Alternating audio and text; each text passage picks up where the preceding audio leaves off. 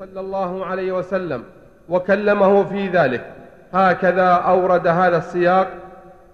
وعلي بن زيد بن جدعان يأتي في روايات في يأتي في رواياته بالمنكرات غالبا. وهذا فيه نكارة. ولهذا حكم عليه أهل العلم بالضعف. روايته غير معتبرة لضعفه إلا الترمذي كان يحسن رواياته والجمهور على تضعيفه. نعم. وهذا من منكراتها نعم. والصحيح فإن عائشة رضي الله عنها لا تقع فيهم ولا تقول فيهم إلا خيرا. ولكن الغيرة بين الضرات معروفة.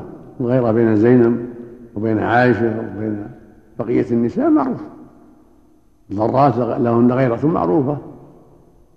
والنبي صلى الله عليه وسلم قد عرف ذلك أيضا. قد هجرهن شهرا عليه الصلاة والسلام. المقصود أن الغيرة معروفة. فالواجب على المؤمن حسن الظن بهن والتراضي عنه وكف عن ما ينقل من المساوي إن يزال فيها وينقص ويغلط فيها الناس نعم والصحيح خلاف هذا السياق نعم. كما رواه النسائي وابن ماجة من حديث خالد بن سلمة الفأفاء عن عبد الله البهي عن عروة قال قالت عائشة رضي الله عنها ما علمت حتى دخلت علي زينب بغير إذن بغير إذن وهي غضبا ثم قالت لرسول الله صلى الله عليه وسلم حسبك إذ إذا قبل قلبت لك أو قلبت لك ابنة أبي بكر درعها. ثم أقبل قلبت حسبك إذا قلبت لك ابنة أبي بكر درعها. ثم أقبلت علي فأعرضت عنها. حتى قال النبي صلى الله عليه وسلم دونك فانتصري. فأقبلت عليها حتى رأيت ريقها قد يبس في فمها. ما ترد, ما ترد علي شيئا. فرأيت النبي صلى الله عليه وسلم يتهلل وجهه. وهذا لفظ النسائي. وقال البزار حدثنا يوسف بن موسى حدثنا أبو غسان حدثنا أبو الأحوص عن أبي حمزة عن إبراهيم عن الأسود عن عائشة رضي الله عنها قالت. قال. وقال البزار حدثنا يوسف بن موسى حدثنا أبو غسان حدثنا أبو الأحوص عن أبي حمزة عن إبراهيم عن الأسود عن عائشة رضي الله عنها قالت قال رسول الله صلى الله عليه وسلم من دعا على من ظلمه فقد انتصر. ورواه الترمذي من حديث أبي الأحوص عن أبي حمزة واسمه ميمون ثم قال لا نعرفه إلا من حديثه وقد تكلم فيه من قبل حفظه وقوله عز وجل إنما السبيل والخلاصة أن الانتصار لا بأس به من عفا فله أجر ومن انتصر وطلب القصاص سبه سبه دعا عليه دعا عليه قطع يده يطلب قطع يده. قطع اصبعه يطلب قطع اصبعه وهكذا. القصاص. ولمن انتصر بعد ظلم فأولئك ما عليهم من سبيل. ولكم في القصاص حياة. لكن من عفا وأصلح وترك القصاص له أجر. فاجره على الله. ما زاد الله عبدا بعفو إلا عزا وان تعفو أقرب للتقوى. ولهذا لما سبت زينب وعائشة كنا يغرن منها من حب الرسول لها عليه الصلاة والسلام. وكنا يغرن منها وتكلمنا فيها ببعض الشيء فقال لها انتصري يعني ردي عليها بما يقبح جماحها. أن تعديها عليك. ردت عليها. نعم. وقول من دعا على من فقد انتصر الدعاء من نوع من الانتصار لكن من الانتصار الكافي. يعني نوع من الانتصار نعم. ما أدري عن سنده. وقوله عز وجل إنما السبيل. شهاده إنه؟ عن سنده. من دعا على ظالم فقد انتصر. سنده. نعم قال البزار وقال البزار حدثنا يوسف بن موسى حدثنا أبو غسان حدثنا أبو الأحوص عن إبرا... عن أبي حمزة عن إبراهيم عن الأسود عن عائشة. رضي الله عنها قالت قال رسول الله صلى الله عليه وسلم من دعا على من ظلم فقد انتصر. نعم.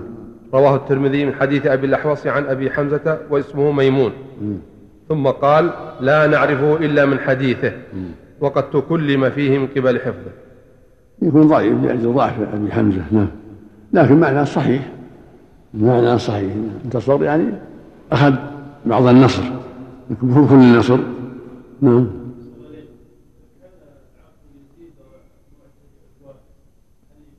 لا العفو المحل إذا كان العفو يزيل الشر ويحصل به الخير هو أقرب. أما إذا كان العفو يزيد الشر لا يعفو بل يطلب القصاص. نعم. العفو في محله إذا كان ينفع. نعم. وقوله عز وجل إنما السبيل أي إنما الحرج والعنت على الذين على الذين يظلمون الناس ويبغون في الأرض بغير الحق أي يبدأون الناس بالظلم كما جاء في الحديث الصحيح المستبان ما قال فعلى البادئ ما لم يعتدي المظلوم. أولئك لهم عذاب أليم أي شديد موجع. قال أبو بكر بن أبي شيبة حدثنا الحسن بن موسى حدثنا سعيد بن زيد أخو حماد بن زيد. حدثنا عثمان الشحام حدثنا محمد بن واسع.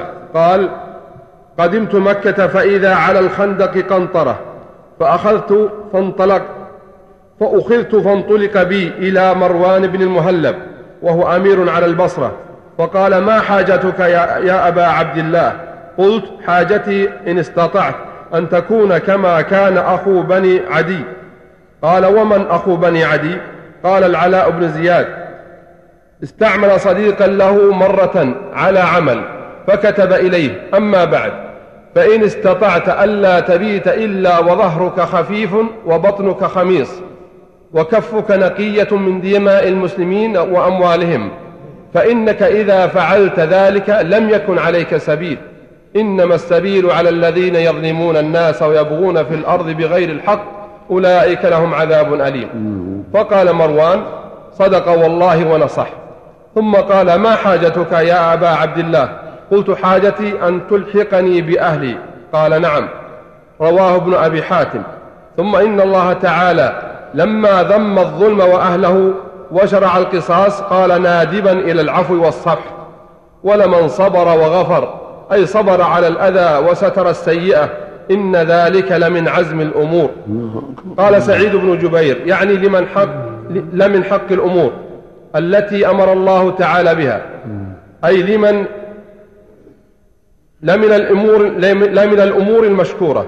يعني الطيبة المعزومة التي شرع الله شرعها الله وثبتها. مثل ما قال جل وعلا إن تصبروا وتتقوا فإن ذلك من عزم الأمور يعني من عزم الأمور المشروعة. وفي الآية الأخرى إنه من يتقي ويصبر فإن الله لا يضيع أجر المحسنين. الآية الأخرى وإن تصبروا وتتقوا لا يضركم كيدهم شيئا. نعم.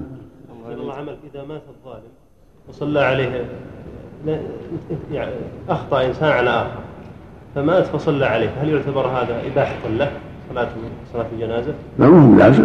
هذا إحسان إليه ولكن مو بلازم إباحة حقه حقه موجود يوم القيامة إلا أن يعفو. نعم. قدمت قدمت مكة فإذا على الخندق منظرة. إذا القنطرة منظرة. الشعب. منظرة نعم قال في الحاشية المنظرة موضع الحرس وتكون في رأس الجبل.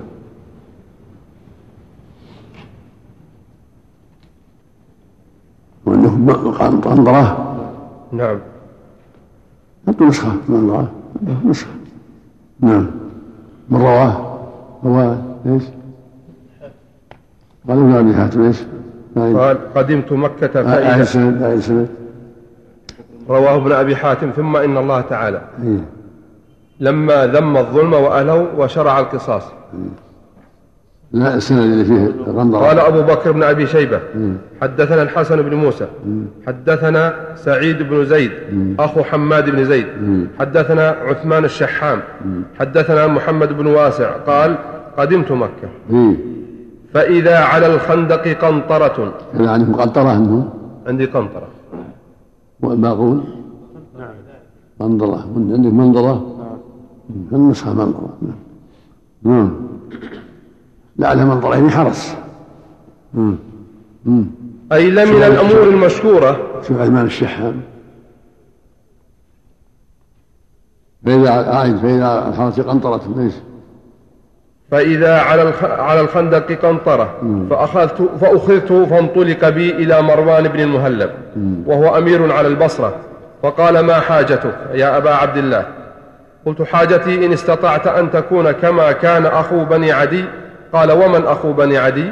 قال العلاء بن زياد استعمل صديقا له مرة على عمل فكتب إليه أما بعد فإن استطعت ألا تبيت إلا وظهرك خفيف وبطنك خميس وكفك نقية من دماء المسلمين وأموالهم فإنك إذا فعلت ذلك لم يكن عليك سبيل. إنما السبيل على الذين يظلمون الناس ويبغون في الأرض بغير الحق أولئك لهم عذاب أليم. فقال مروان صدق والله ونصح. ثم قال ما حاجتك يا أبا عبد الله؟ قلت حاجتي أن تلحقني بأهلي. قال نعم. رواه ابن أبي حاتم. قال أهل الشحام. ما في في الخلاصة؟ ها؟ ما أورده في الخلاصة؟ تقريب. ما هو حاضر. ما في أهل الشحام؟ أكمل الشحام. ما فيه؟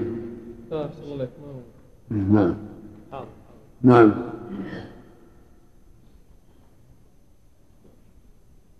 تبعوا في عثمان لأن قد هذا لقب. عثمان بن فلان بن فلان ثم يأتي بعده الشحان يأتي في آخره. قد يذكر في آخر عثمان اسمه عثمان عثمان الشحان ثم يذكر اسمه أبيه في آخر عثمان. ملقبين يعني إذا عادت في آخره يذكر أسماء الملقبين ثم يذكر أسماء أبائهم نعم. نعم. أي لمن الأمور المشكورة والأفعال الحميدة التي عليها ثواب جزيل وثناء جميل. وقال ابن أبي حاتم حدثنا أبي حدثنا عمران بن موسى الطرسوسي. حدثنا مصمد بن يزيد خادم الفضيل. نعم. حدثنا حدثنا مصمد ابن يزيد خادم الفضيل. ها؟ ها؟ عبد الصمد وأنتم وش عندكم؟ مصمد صلى عبد الصمد نعم. عبد الصمد بن يزيد نعم. نعم. بن يزيد؟ نعم. في عبد الصمد بن يزيد؟ نعم. حدثنا إيش؟ وقال ابن أبي حاتم حدثنا أبي حدثنا عمران بن موسى الطرسوسي حدثنا عبد الصمد بن يزيد خادم الفضيل بن عياض. قال سمعت الفضيل بن عياض يقول إذا أتاك رجل يشكو إليك رجلا فقل يا أخي أعف عنه فإن العفو أقرب للتقوى. فإن قال لا يحتمل قلبي العفو ولكن أنتصر كما أمرني الله عز وجل فقل له إن كنت تحسن أن تنتصر وإلا فارجع إلى باب العفو فإنه باب واسع فإنه من عفا وأصلح فأجره على الله وصاحب العفو ينام على فراشه بالليل وصاحب الانتصار يقلب الأمور.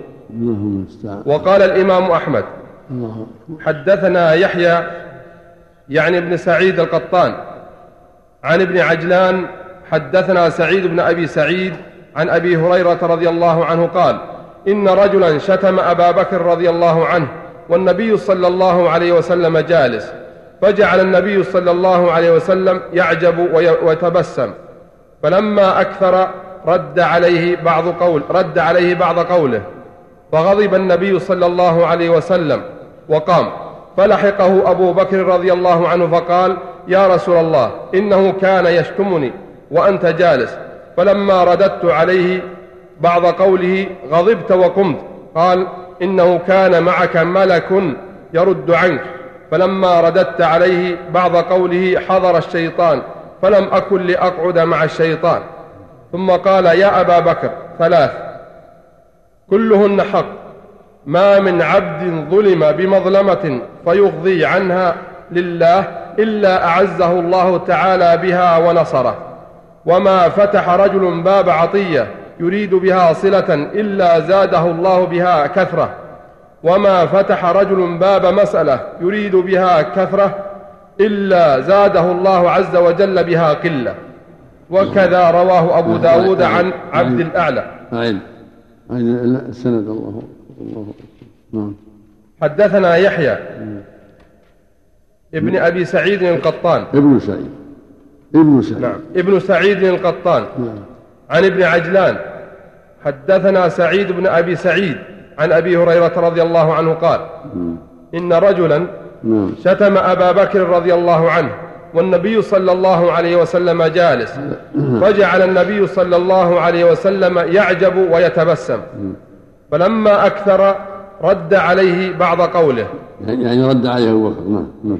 فغضب النبي صلى الله عليه وسلم وقام فلحقه أبو بكر رضي الله عنه فقال يا رسول الله إنه كان يشتمني وأنت جالس. فلما رددت عليه بعض قوله غضبت وقمت. قال إنه كان معك ملك يرد عنك.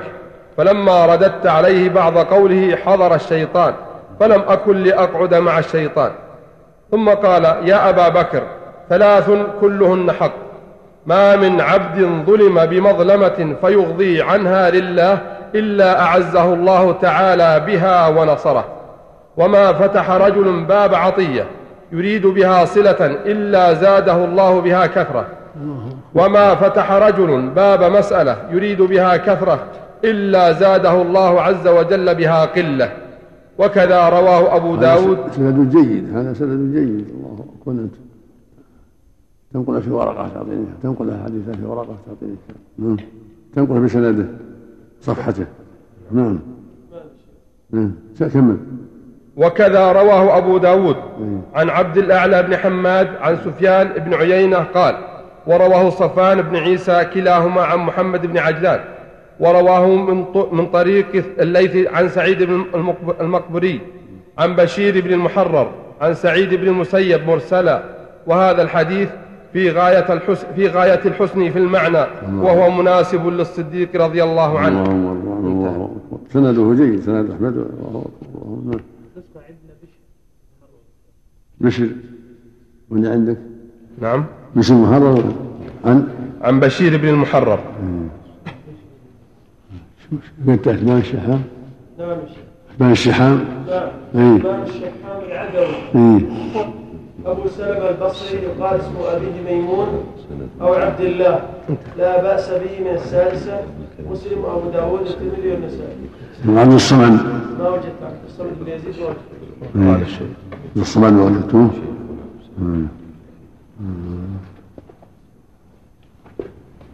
الله الله الله شيخ أحسن الله إليك. قول الرسول صلى الله عليه وسلم إنه كان معك ملك يرد في اثمان الشحام وش تسال في اثمان الشحام نعم اللي في اثمان الشحام نعم. حديث إيش؟ قال أبو بكر بن أبي شيبة مم. حدثنا الحسن بن موسى مم. حدثنا سعيد بن زيد مم. أخو حماد بن زيد مم. حدثنا عثمان الشحام مم. حدثنا محمد بن واسع مم. قال قدمت مكة فإذا على الخندق قنطر. مم. طيب نعم شيخ أحسن الله إليك نعم قول الرسول صلى الله عليه وسلم إنه كان معك ملك يرد عنك خاص لأبي بكر ولا الله والله أعلم. العموم في المعنى وأن المظلوم إذا سكت رد الله عنه من الملائكة. إذا سكت عفوا وتسامحا واغفالا لهذا الشيء وعدم مبالاة به الله يرد عنه. نعم. بشير بن المحرر. نعم. الحديث السابق ردي عليها إيه. لا يجوز ولا منه فهو ليس ما عليه من سبيل. انتصر فلا بأس. اجلها في الانتصار نعم. بشير بن المحرر بمهملات مشي بشير؟ نعم. إيه. بن المحرر بمهملات الحجازي عن ابن المسيب وعنه سعيد بن أبي سعيد أبو داود. اللي عنده بشير صلح بشير رسالة اللي في بشير حدثنا إيش؟ نعم. هذا حسان كذا رواه أبو داود عن عبد الأعلى بن حماد. عين عين حدثنا ثم قال من بداية الحديث إيه. وقال الإمام أحمد حدثنا يحيى يعني ابن سعيد القطان عن ابن عجلان حدثنا سعيد بن أبي سعيد عن أبي هريرة رضي الله عنه. قال اللي بعد؟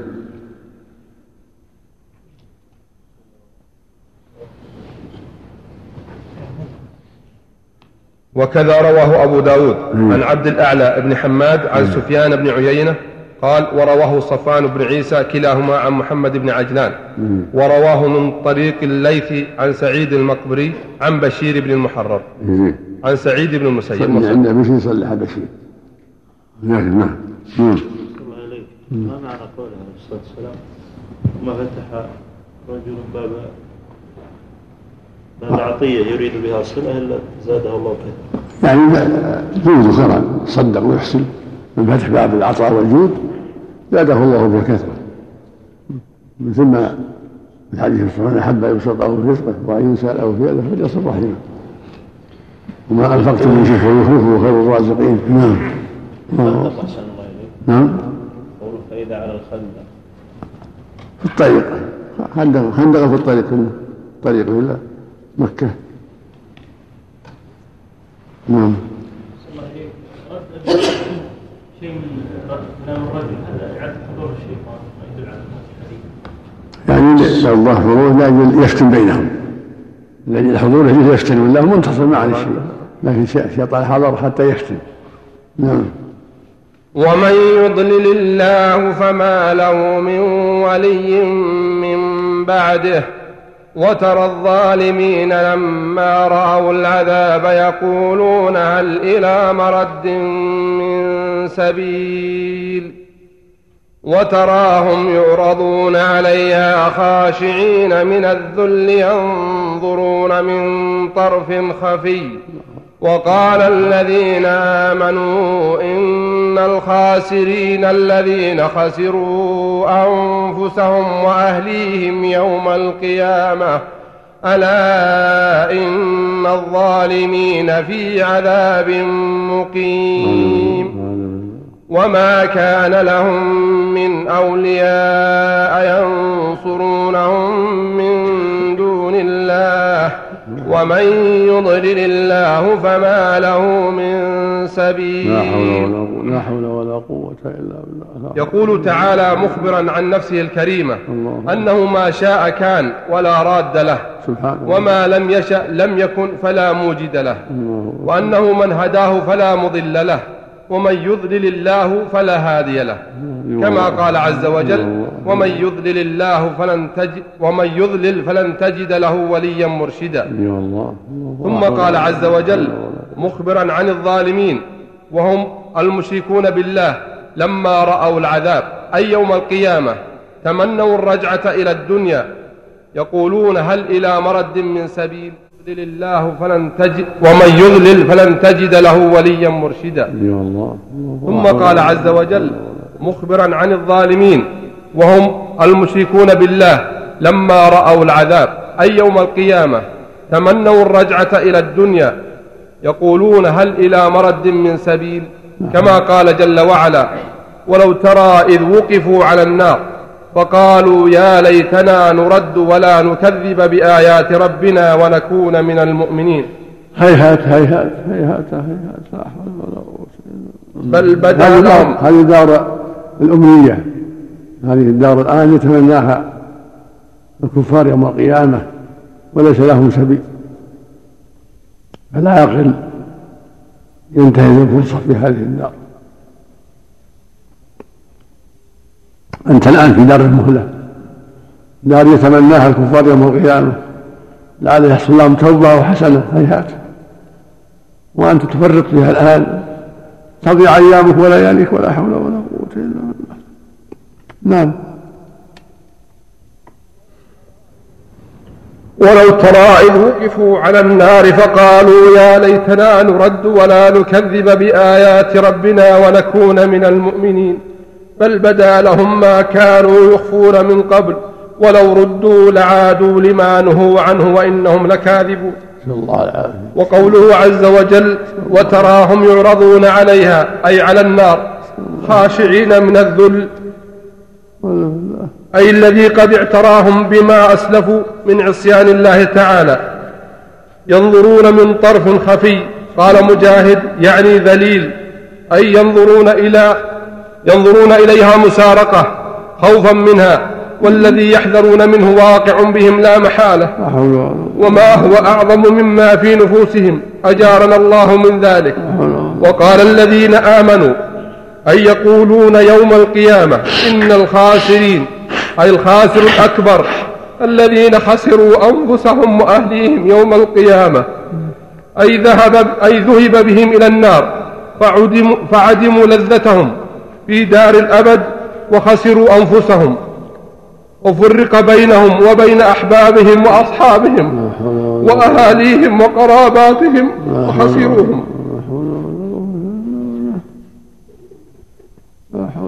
قوة ألا إن الظالمين في عذاب مقيم.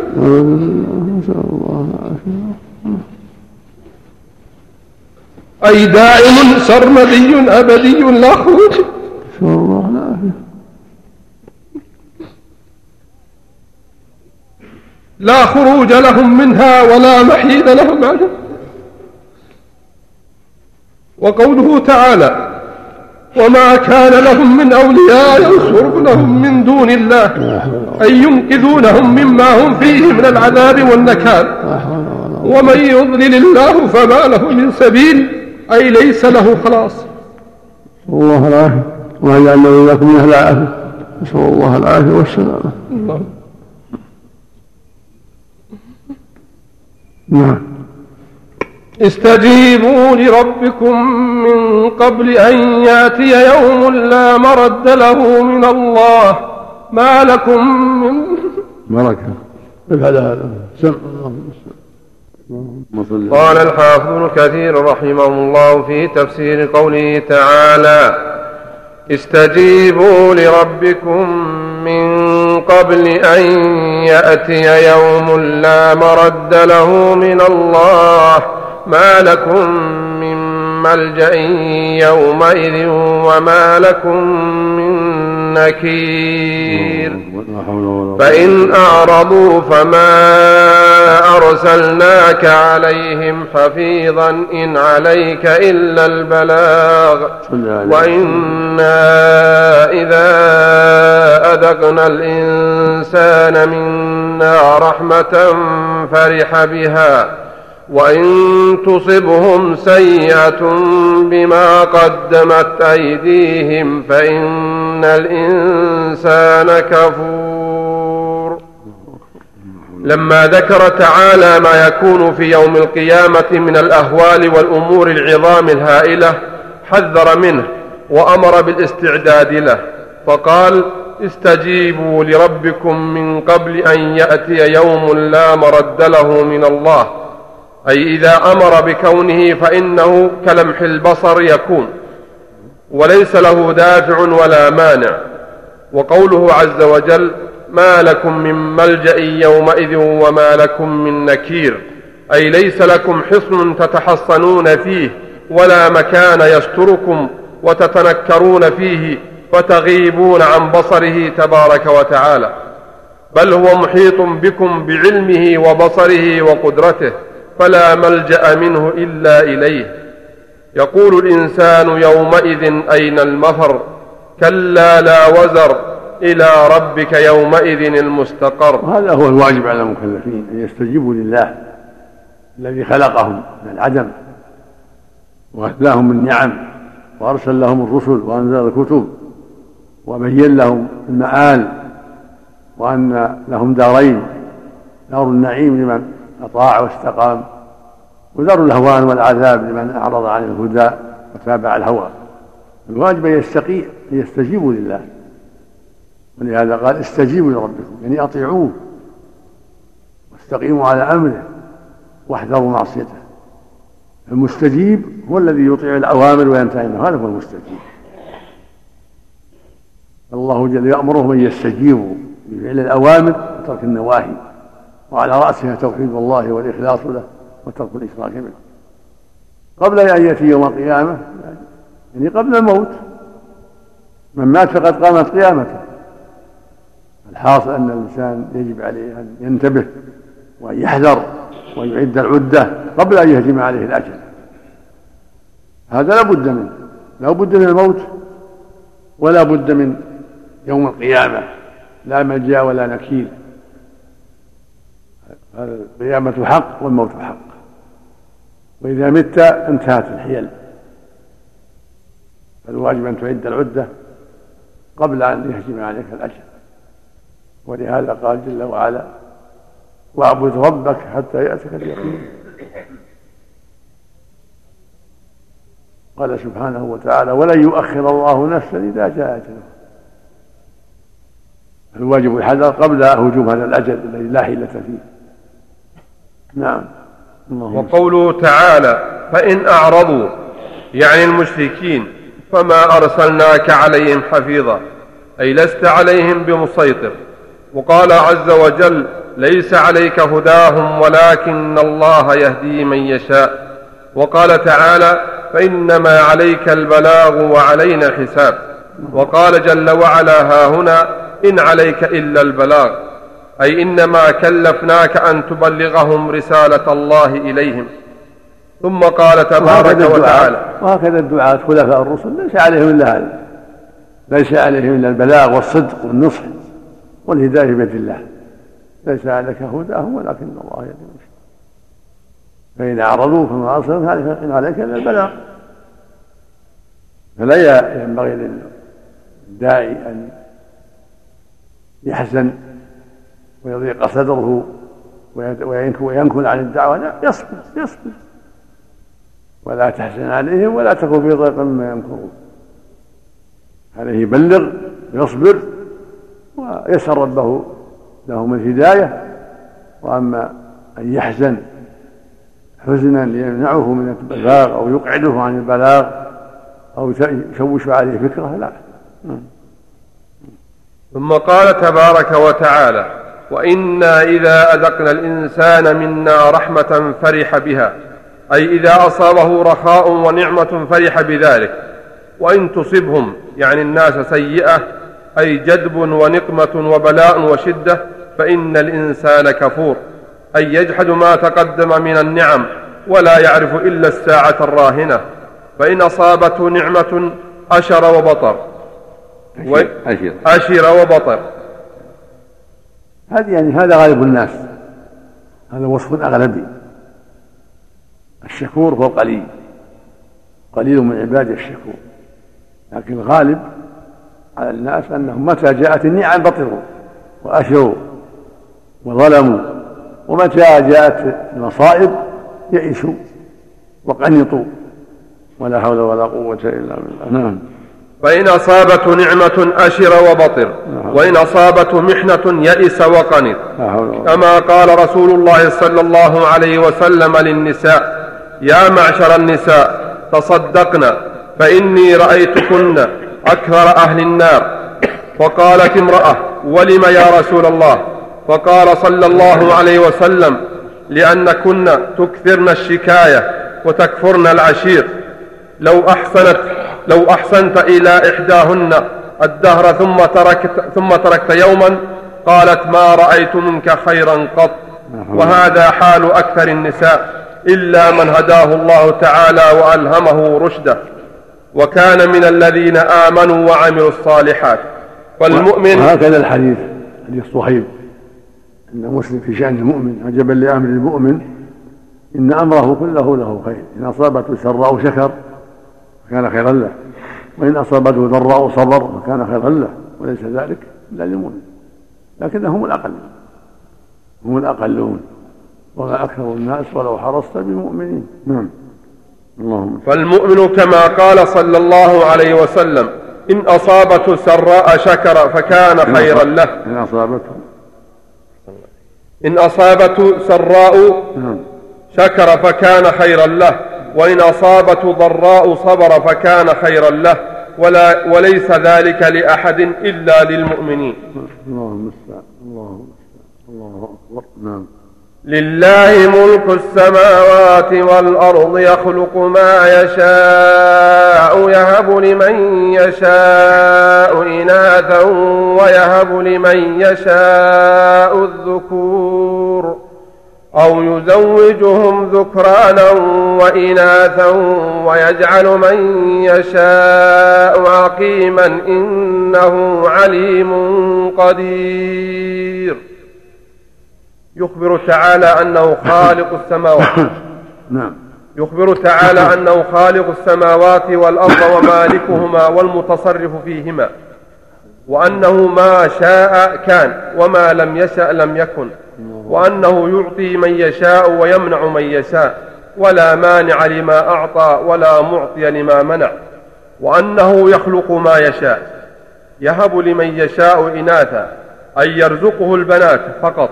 قال البغاوي ومنهم لوط عليه الصلاة والسلام ويهب لمن يشاء الذكور أن يرزقه البنين فقط.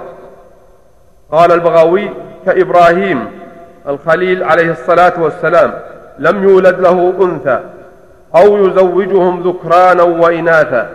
أي ويعطي لمن يشاء من الناس الزوجين الذكر والأنثى. أي من هذا وهذا قال البغوي كمحمد صلى الله عليه وسلم. ويجعل من يشاء عقيما أي لا يولد له. قال البغوي كيحيى وعيسى عليهما الصلاة والسلام. فجعل الناس أربعة أقسام.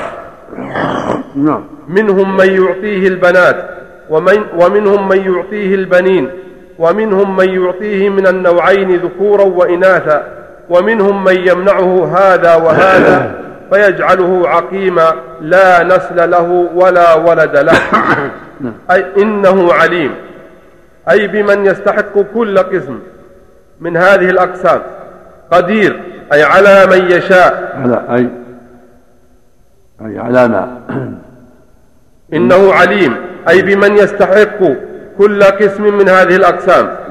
قدير أي على من يشاء من من تفاوت الناس في ذلك. ما يعني.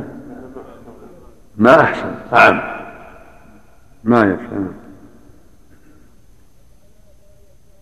نعم أي على ما يشاء من تفاوت الناس في ذلك. وهذا المقام شبيه بقوله تبارك وتعالى عن عيسى عليه الصلاة الناقع بالفتح يعني هذا الموضع. المقام معنى الإقامة. أحسن وأما المقام فتح هو معنى الموضع والمحل. والقيام مصدر نعم. وهذا المقام شبيه بقوله تبارك وتعالى عن عيسى عليه الصلاة والسلام ولنجعله آية للناس. أي دلالة لهم على قدرته تعالى وتقدس حيث خلق الخلق على أربعة أقسام.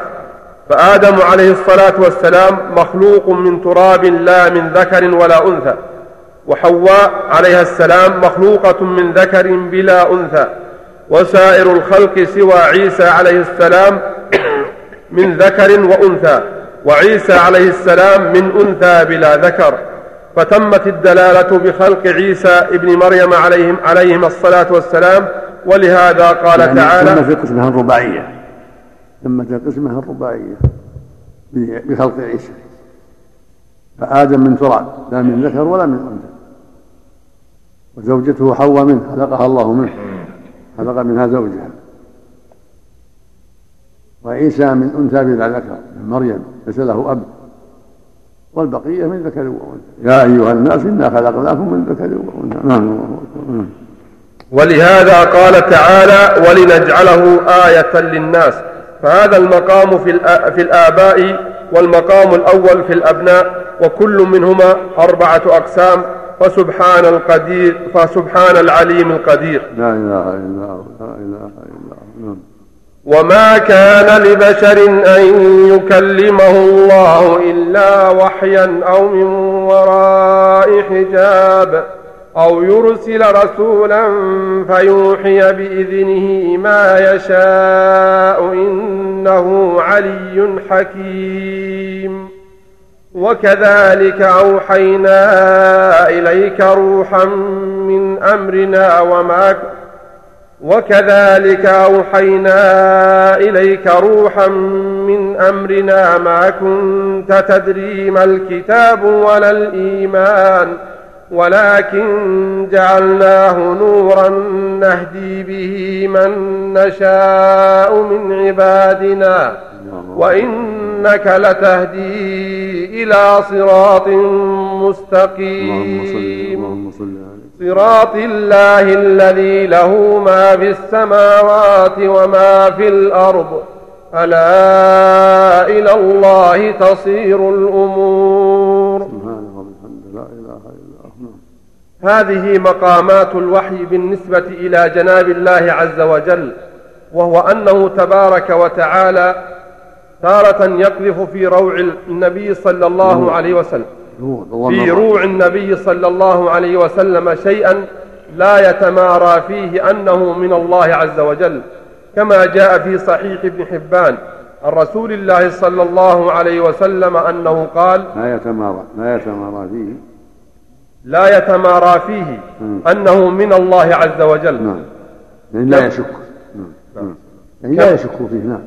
كما جاء في صحيح ابن حبان عن رسول الله صلى الله عليه وسلم أنه قال إن روح القدس نفث في روعي أن نفسا لن تموت حتى تستكمل رزقها وأجلها. فاتقوا الله وأجملوا في الطلب. وقوله تعالى أو من وراء حجاب كما كلم موسى عليه الصلاة والسلام فإنه سأل الرؤية بعد التكليم فحجب عنها.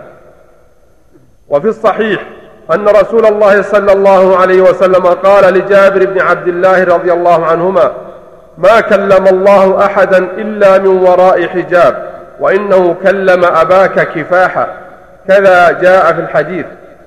وكان قد قتل يوم أحد ولكن, ولكن هذا في عالم البرزخ والآية إنما هي في الدار الآخرة. وقوله عز وجل أو يرسل رسولا. وهكذا نبينا صلى الله عليه وسلم كلمه الله من وراء الحجاب لم يره. لما عرج به إلى السماء وفرض الله عليه الصلاة الخمس كلمه سبحانه فرضها عليه خمسين ثم لم يزل يتردد إلى ربه حتى جعلها خمسا. ونادى مناد من السماء إني قد أمضيت فريضتي وخففتها عن عبادي. هذا أيضا من الكلام الذي صدر من الله لنبيه محمد صلى الله عليه وسلم من وراء الحجاب. أما الرؤيا فلم يراه أحد لا موسى ولا محمد. ولهذا لما سئل صلى الله عليه وسلم أرأيت ربك؟ قال نور أم اراه وفي لفظ رأيت نورا. فلم يرى أحد ربه في هذه الدنيا. وفي الصحيح عن النبي صلى الله عليه وسلم قال واعلموا أنه لن يرى احدكم ربه حتى يموت. فهذه الدار مثل دار رؤيا الرؤيا أعلى نعيم أهل الجنة. فلا يرى إلا في الآخرة سبحانه وتعالى. نعم يراه المؤمنون يوم القيامة ويراه المؤمنون في الجنة. نعم. رؤيا المنام غير رؤيا رؤيا المنام لا بأس بها قد تقع. رآه النبي صلى الله عليه وسلم في النوم اللهم صل عليه على صورته يرى الله يرى يرى شيء مما يدل على أنه الله أما نور أو شبهه لأن الله لا يشبهه شيء سبحانه وتعالى. أقول بارك الله فيك وبارك الله. عندما أرسل الرسول عليه السلام عقيدة السنة. هل الله سبحانه عز وجل كلم الرسول حتى فرض على الصلوات؟ وإلا فرضت على الصلاة بدون لا يسمع كلام الجلالة فرضه الله فرض الله عليه الصلاة وسمع كلام ربه. سمع كلام نعم. ليلة المعراج. نعم.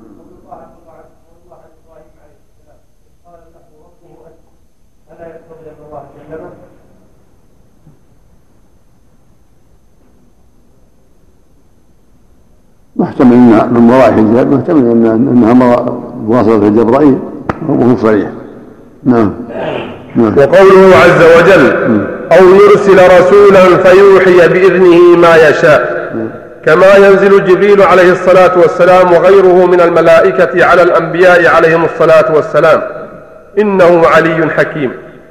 فهو علي عليم خبير حكيم. سبحانه وقوله عز وجل وكذلك أوحينا إليك روحا من أمرنا يعني القرآن. ما كنت تدري ما الكتاب ولا الإيمان أي على التفصيل الذي شرع لك في القرآن. ولكن جعلناه أي القرآن نورا نهدي به من نشاء من عبادنا. كقوله تعالى قل هو للذين آمنوا هدى وشفاء والذين لا يؤمنون في آذانهم وقر وهو عليهم عمى. الآية.